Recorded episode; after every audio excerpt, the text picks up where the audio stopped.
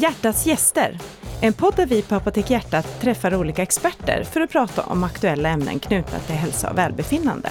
I just det här avsnittet pratar vi om psykisk ohälsa hos barn och ungdomar. Hjärtats gäster med Annika Svedberg, chefsapotekare på Apotek Hjärtat och Åsa Kastbom, överläkare på BUPs traumaenhet i Linköping. Andelen barn och unga som lider av psykisk ohälsa i Sverige ökar och i takt med det ökar ju också våra frågor om ämnet. Vi är många som funderar och är oroliga. Vad beror det här egentligen på? Finns det varningssignaler? Och alla vi som är föräldrar är ju naturligtvis extra oroliga för våra barn. Idag hoppas jag få svar på mina frågor om det här ämnet när vi nu har bjudit hit läkaren och forskaren Åsa Kastbom. Varmt välkommen till Hjärtats gäster! Tack!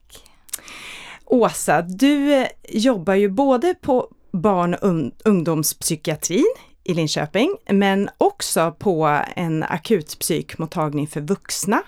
Och så forskar du och så håller du föreläsningar. och, och jag, alltså jag bara undrar, hur hinner du med allt och, och vad är det bästa med ditt jobb? Ja, det bästa det är att det är så varierande. Att jag får träffa barn från två, treårsåldern ända upp till gamlingar. Jag får träffa människor i livets olika skeden. Jag vet aldrig när jag cyklar till jobbet hur kommer den här dagen se ut? Vilka kommer jag träffa idag?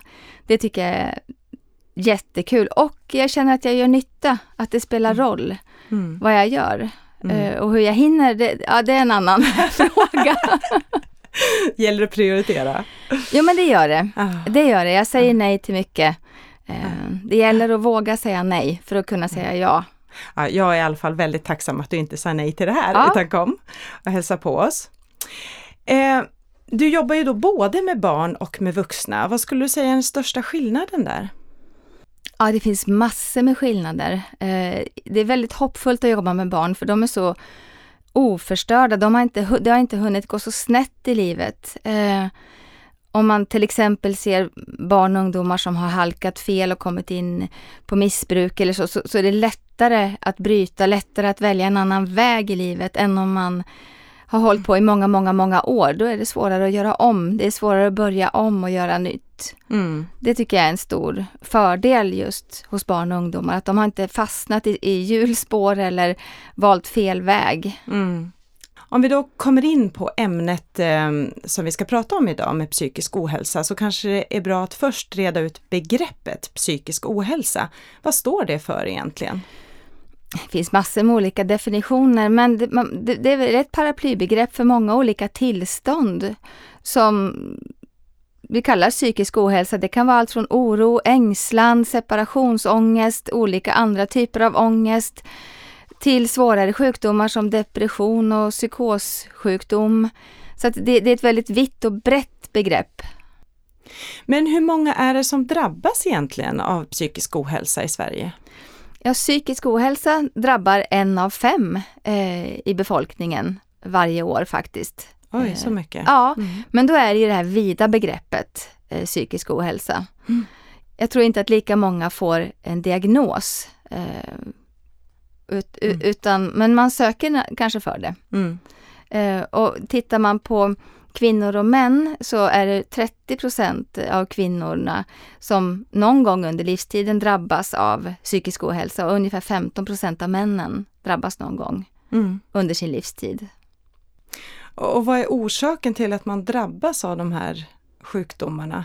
jag tänker på arv och miljö som man pratar ja. om. Vet man nu vad största orsaken är? Vissa av de här sjukdomarna är ju väldigt ärftliga som till exempel schizofreni och bipolär sjukdom. Mm. Eh, bipolär sjukdom det är när man eh, i skov blir deprimerad. Eh, men man kan också ha skov när man blir uppåt eller väldigt aktiv, överaktiv. Eller så mm. har man perioder när man bara går ner i depression. Ehm, mm. De vet man eh, att det finns en, en, stark ärftlig komponent. Men det finns också ärftlighet i, i olika ångestsjukdomar, en, en benägenhet eller en, en skörhet att drabbas av mm. det. Men självklart spelar miljön också väldigt stor roll och, och vilken, vad du utsätts för i livet. Mm. Sådana traumatiska händelser, är det saker som då kan göra att en skör person utvecklar? Ja, ja det, det, absolut. Det ser jag ju väldigt tydligt i mitt arbete på BUPs traumaenhet där jag träffar barn som har varit med om traumatiska händelser såsom sexuella övergrepp eller fysiskt våld av närstående och där ser man att vissa är otroligt robusta i sitt psyke. De klarar sig väldigt, väldigt bra. De är ganska, inte oförstörda, men, men de klarar sig väldigt, väldigt väl. Medan andra har, eh, kanske är inte lika robusta från början utan har mer benägenhet att drabbas av eh, ja, depression, ångest, självskadebeteende. Att det kan mm. variera. Mm. Även om man har varit med om samma typ av trauma. Så visst har vi en benägenhet eh, eller mm. en ol olika grader av skörhet, så är det. Mm. Eh, vad är det som händer i kroppen när man drabbas av depression eller ångest eller bipolär sjukdom? Ja, det är, det är ju, om man ska vara petig och, och, då är det ju väldigt komplext och en hel del saker som vi inte vet faktiskt. Men ångest, eh, om man tänker sådana här panikångestattacker som många kanske förknippar med ordet ångest, då är det egentligen ett, en naturlig reaktion på ett, en väldigt hotfull situation, att vi liksom eh, fight or flight eh, beteende, att vi, vi rustar oss för flykt eller för, för slagsmål. Mm. Och därför går pulsen upp eh, och blodtrycket går upp och man får ett stresspåslag.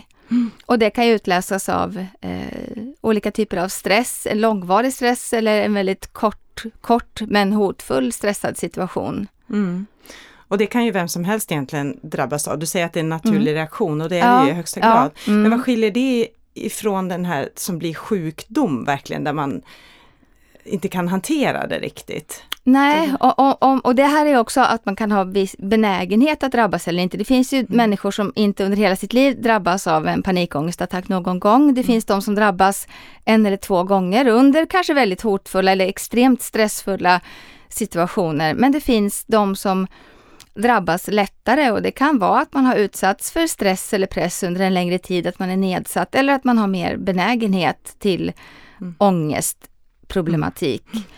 Och, och kanske reagera på en händelse som ingen annan reagerar på riktigt, eller? Ja, ja, det ja. kan vara att det är mycket folk eller att tala inför mm. folk eller att det är tomt eller att man kan få vissa fobier mot mm.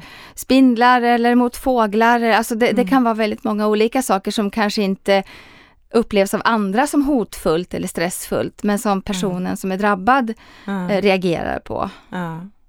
Är det så att tjejer eller killar drabbas i olika omfattning? Ja, alltså, om man tittar på studier men även liksom på kliniken, hur många som söker eh, och hur mycket vi förskriver eh, av olika typer av läkemedel så ser vi att kvinnor verkar vara mer drabbade än män. Mm. Eller söker mer. Eh, men, men det kan ju ha många olika orsaker, men kanske inte mm. söker lika mycket. De, det kanske krävs mer för att en man ska söka. Mm. Men tittar man på, på, studier så ser man att, att kvinnor är mer drabbade än män. Mm. Det var ju under väldigt många år tabubelagt med det här ämnet med psykisk ohälsa. Mm. Eh, och det är ju som väl är eh, förändrat ordentligt. Nu för tiden så pratar man väldigt mycket om det och många är öppna också med att de är drabbade. Mm. Kan det vara så att det fortfarande är lite tabu för män jämfört med kvinnor, att det, kvinnor pratar mer om mm. sådana här saker än män? Jag tror att det fortfarande är så och det mm. tycker jag att jag märker också på de, de människor som identifierar sig som män som kommer, att det är mm. svårare. Det sitter längre in. De kan, jag kan tycka att de ofta kanske är sämre när de söker eh, jämfört med mm. kvinnor. Ja. Ja, sen är det ju då det som står i tidningarna nu och som man pratar mycket om, att det här ökar hela tiden just hos barn och ungdomar. Mm. Vet man varför det är så? Vad är din teori? Du har ju forskat en hel del. Ja, jag har inte forskat om just det. Nej. Ehm, men eh, nej, det finns ju många olika teorier. Vi ser att det är så eh, och det är tragiskt för det man också kan se väldigt tydligt är att självmorden bland, eh, och jag tror att det är mellan 16 och 25 eh, ökar medan självmord i andra åldrar sjunker. Mm. Så det är någonting vi inte riktigt kommer åt. Och jag, jag tror att anledningen till att det ökar. Eh, kanske både för att, som jag tycker då, barn och ungdomar, så, så, är det inte lika tabubelagt som bland äldre människor. Att man kanske vågar söka mer, mm. man vågar uttrycka att man mår dåligt på ett annat sätt och att vi uttrycker mycket nu för tiden i sociala medier och att man pratar, att det finns en öppenhet som inte fanns för 20-30 år sedan. Mm. Men sen tycker jag också att det, det, det är en ganska hög press på barn och ungdomar idag eh, som kanske kan leda till psykisk ohälsa. Det, är väldigt många fler valmöjligheter, man ska välja, man ska specialisera sig så tidigt. Jag tänker mm. på när jag var skulle börja högstadiet, det var ju liksom inget snack om vilket högstadiet, utan det var ett och det var det som mm. låg närmast. Och samma sak med, ja, med gymnasiet, då var det mer så här, ja men har du bra betyg ska du läsa natur. Mm. Ja, det, var, det, liksom, det var inte så mycket att välja på, utan man, och det var rätt enkelt på gott och ont. Mm. Och samma sak med sport, så, så tycker jag också att det blir väldigt elitsatsande. Det blir elitsatsning ja. tidigt och man måste välja sport redan när man är ganska liten. Så måste man välja vilken sport man ska satsa på. Att, att det finns så många barn idag som, och ungdomar som jag tror skulle må bra av att kunna få spela fotboll på skoj två gånger i veckan. Mm. Eh, eller liknande. Men mm. att kommer man in för sent på en sport så är det för sent och då, då, då får man inte, då är det stängt och så man måste välja bort sporter. Och, att det är ett annat klimat idag som jag tror påverkar kan påverka åtminstone vissa barn mm. negativt. Mm. Och sen alla dessa sociala medier mm. som de kommer in på när de redan är i typ 8-9 års åldern. Ah, ja, absolut. Finns det någon forskning där kring hur det påverkar? Alltså man ser ju, jag ser på mina egna mm. barn, att de har ju råkoll på vad alla gör hela tiden. Ja. Eh, och den här känslan av att man inte är med i det som händer, ja. eh, den måste ju kännas jättejobbig jämfört ja. med när man själv var liten och ja, var man ensam så var man ensam men man, man visste inte vad som pågick hos alla andra. Nej precis och, och jag tänker att om man tittar på vad, vad kan man göra själv för att må bra psykiskt, mm. då är ju en sak bland annat att kunna vara i nuet att vara här och nu, att ta in där man är. Men det här med mindfulness som mm. säkert alla hört talas om, det är liksom en grej. En annan grej är ju att vara ute i naturen. Eh, att motionera, men, men idag när, när alla har sin mobiltelefon närmast hjärtat, nästan mm. bokstavligen, alltid i handen eller med sig överallt, så, så är det svårt att vara här och nu, för du är alltid uppkopplad, du har alltid koll, precis som du säger, vad andra gör, och det piper och det låter och det, det är på gång hela tiden. Det, det, mm. Jag tror att det kan påverka. Och det här att bara vara i naturen ostört. Mm. Att andas och, eller umgås, att vara här och nu, det, det har lite mm. försvunnit och det ser man ju ofta om man tittar på kaféer eller överallt. Folk sitter och tittar i sin mobil istället för att prata med varandra. Mm. Och det tror, jag, det tror jag kommer betala sig. Mm. Ja, där borde man nästan göra någon slags upprop i hela samhället för, ja. för att få ner den här ja. otroliga ja, för det har gått fokuseringen vid mobilen. Mm. Ja. Vi har gjort en hörna hemma som jag kallar för elfri hörna. Ja. Där får man inte ha eh, dator eller telefon eller padda. Utan när man sitter i den fina hörnan med blommiga fåtöljer och ett gult litet bord, då får man bara prata. Ja, ja härligt, det borde alla ha. Ja. Och likaså skärmfria tider. Ja. Mm. Ehm, det för vuxna också? För. Ja, ja, absolut. Mm. jobbar vi för hemma också. Det är inte så lätt alla gånger. Nej. nej. Mm. Um, finns det någon skillnad mellan yngre och äldre personers psykiska ohälsa eller ter det sig på samma sätt? Jag tycker att det kan te sig ganska så lika faktiskt. Symptomen är lika men, men visst går man in om man tittar på en depression hos en vuxen person så ser den inte alltid ut på samma sätt hos en tonåring. Där, där tror jag många föräldrar kanske missar. För en tonåring sitter sällan och gråter stilla eller är väldigt melankolisk utan en tonåring i en depression kan bli mera agiterad, irriterad eh, och kanske snarare upplevs då som trotsig eller tonårsaktig när det egentligen rör sig om en, en depression. Så där, där kan det se olika ut. Och, och som jag var inne på tidigare också att barn är mera ja, men randiga, de kan gå in och ut ur eh, känslotillstånd eller sinnesstämning på ett annat sätt. Ett barn som sörjer till exempel, man brukar säga att barns sorg är randig. Att de sörjer ett litet tag, sen orkar de inte. Och att det är som en försvarsmekanism. Då leker de och är glada under en period, sen går de in i, i sorgen ett litet tag. Så att, mm. att, ja, men det finns ändå vissa skillnader, det gör mm. det. Mm. finns det signaler som man då som förälder ska reagera på?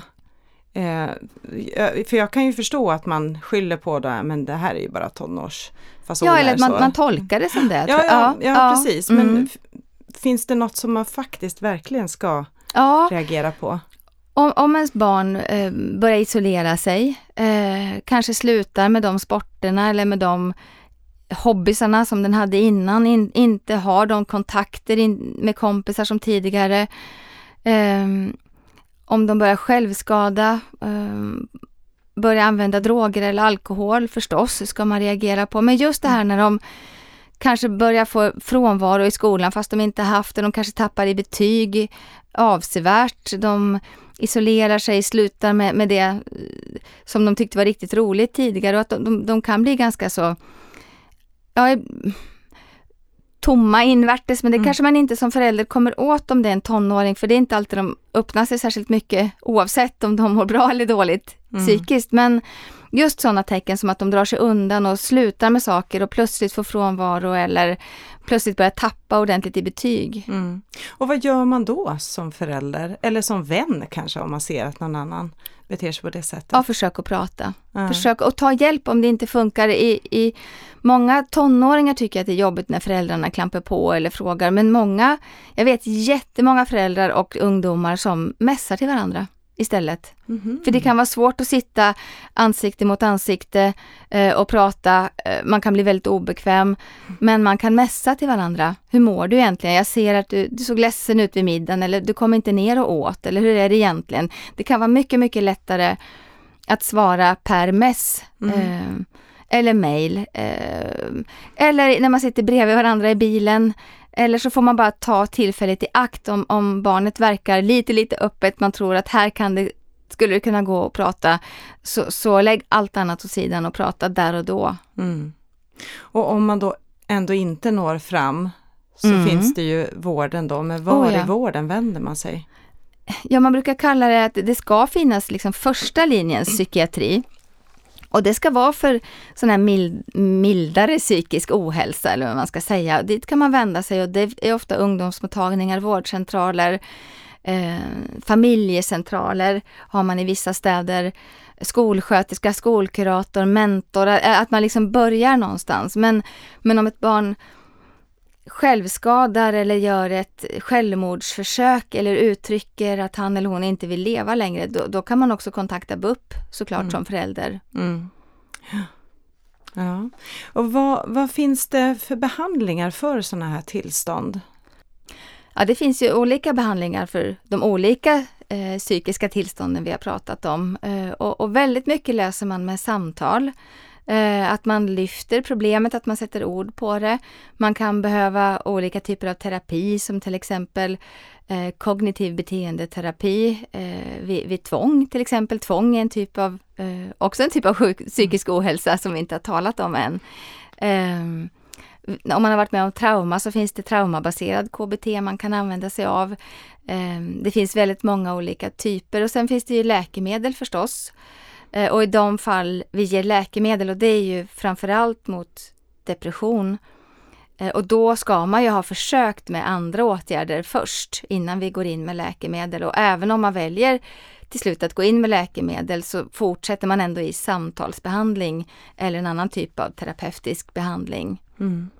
Du, KBT nämner mm. du och det hör man ofta. Kan du nämna någonting om vad KBT-terapi går ut på? Alltså vad gör man? Vad är det för typ av samtal? Ja, det beror lite på vad man ska behandla. Men, men det handlar om att träna om, att tänka annorlunda, att man kanske har fastnat i ett spår. Om man tänker eh, till exempel en fobi, att man är väldigt rädd för spindlar och det leder till att man inte vågar vara i båten eller i sommarstugan längre, att det verkligen ställer till det i vardagen för den här personen och kanske hela familjen så får man börja träna på att utsätta sig för det, att liksom gå emot rädslan, gå emot fobin. Och då kanske man börjar med att titta på bilder på spindlar eller pratar om spindlar. Alltså, mm. Men sen trappar man upp det och till slut så, exponeras man för en spindel, alltså man får träffa en spindel och kanske hålla i en spindel. Mm. Eh, och det brukar vara väldigt lyckat, det brukar vara inte mm. så svårt faktiskt. Men det här kan alltså fungera även vid depression och ångest och så vidare, när det inte handlar om fobi för specifikt djur eller en Ja. situation? Ångest finns ju många olika typer av ångest, men, men som social fobi till exempel är ju en typ av ångest. Att Mm. man inte vågar tala inför andra, att man blir osäker i vissa miljöer. Då, där kan man använda sig av KBT. Men om man pratar om en egentlig depression, en, en, då skulle jag inte tänka att det räcker med, med KBT, eh, Mm. om det faktiskt är en egentlig depression. Sen kan man behöva träna på saker som man kanske i sin depression har börjat undvika. Mm, just det. När det gäller depression så är det ju vanligt med läkemedelsbehandling. Mm. Och då är det också många som funderar över, är, är, är det så att man blir beroende av läkemedlen som man använder Mm. vid en depression? Vad säger du om det? Ja, alltså antidepressiva läkemedel eh, som man får vid en depression eller man kan få, de är inte beroendeframkallande. De läkemedel som är beroendeframkallande det är sådana starka läkemedel som man kanske använder vid väldigt svår ångest eh, och som jag tycker att eh, man inte ska använda förutom i värsta, värsta nödfall. Man kanske har så svår ångest att man är inneliggande på grund av sin ångest. Ehm, de kan man bli beroende av, absolut vissa typer av dem och vissa typer av sömnmedel kan man också bli beroende av. Men de här vanliga antidepressiva läkemedlen blir man inte beroende av. Men för att man ska må så bra som möjligt så brukar man ha en period med upptrappning av läkemedlet. Eh, och sen brukar jag säga till mina patienter att tänk nu det här som kanske åtminstone ett års behandling. Att det här är ingen liten kur. Eh, utan det här tar tid. Men det är inte heller, absolut inte en livslång behandling i vanligaste fall. Utan efter ett tag så, så trappar man ur. Men då brukar jag också vara noggrann med att välja period när man ska trappa ur. Att det liksom har satt sig, att man mår bra, att man har mått bra ett tag. Och så brukar vi fundera tillsammans, jag och patienten, över är det här en lämplig tid på året. Är det så att man tycker att hösten är jätte, jättetung, ja men då kanske man ska vänta till mars innan man trappar ut. Eller om man har något annat, om man precis har gått igenom en skilsmässa eller om man ska byta skola eller att det är något annat väldigt stort så kan man också låta det passera innan man trappar ut. Lite så brukar jag tänka. Mm. Men de är inte beroendeframkallande. Mm. Det är de inte. Nej.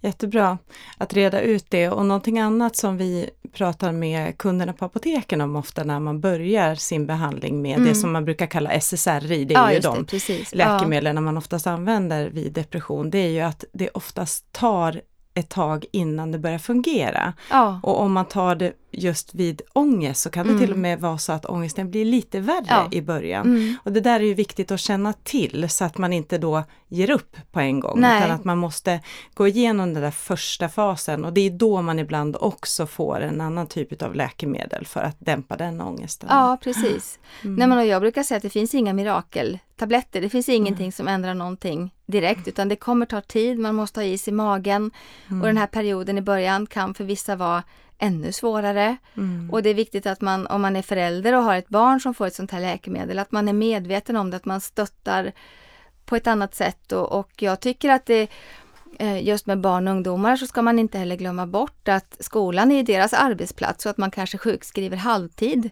från skolan är att man drar ner på kraven under en Mm. period.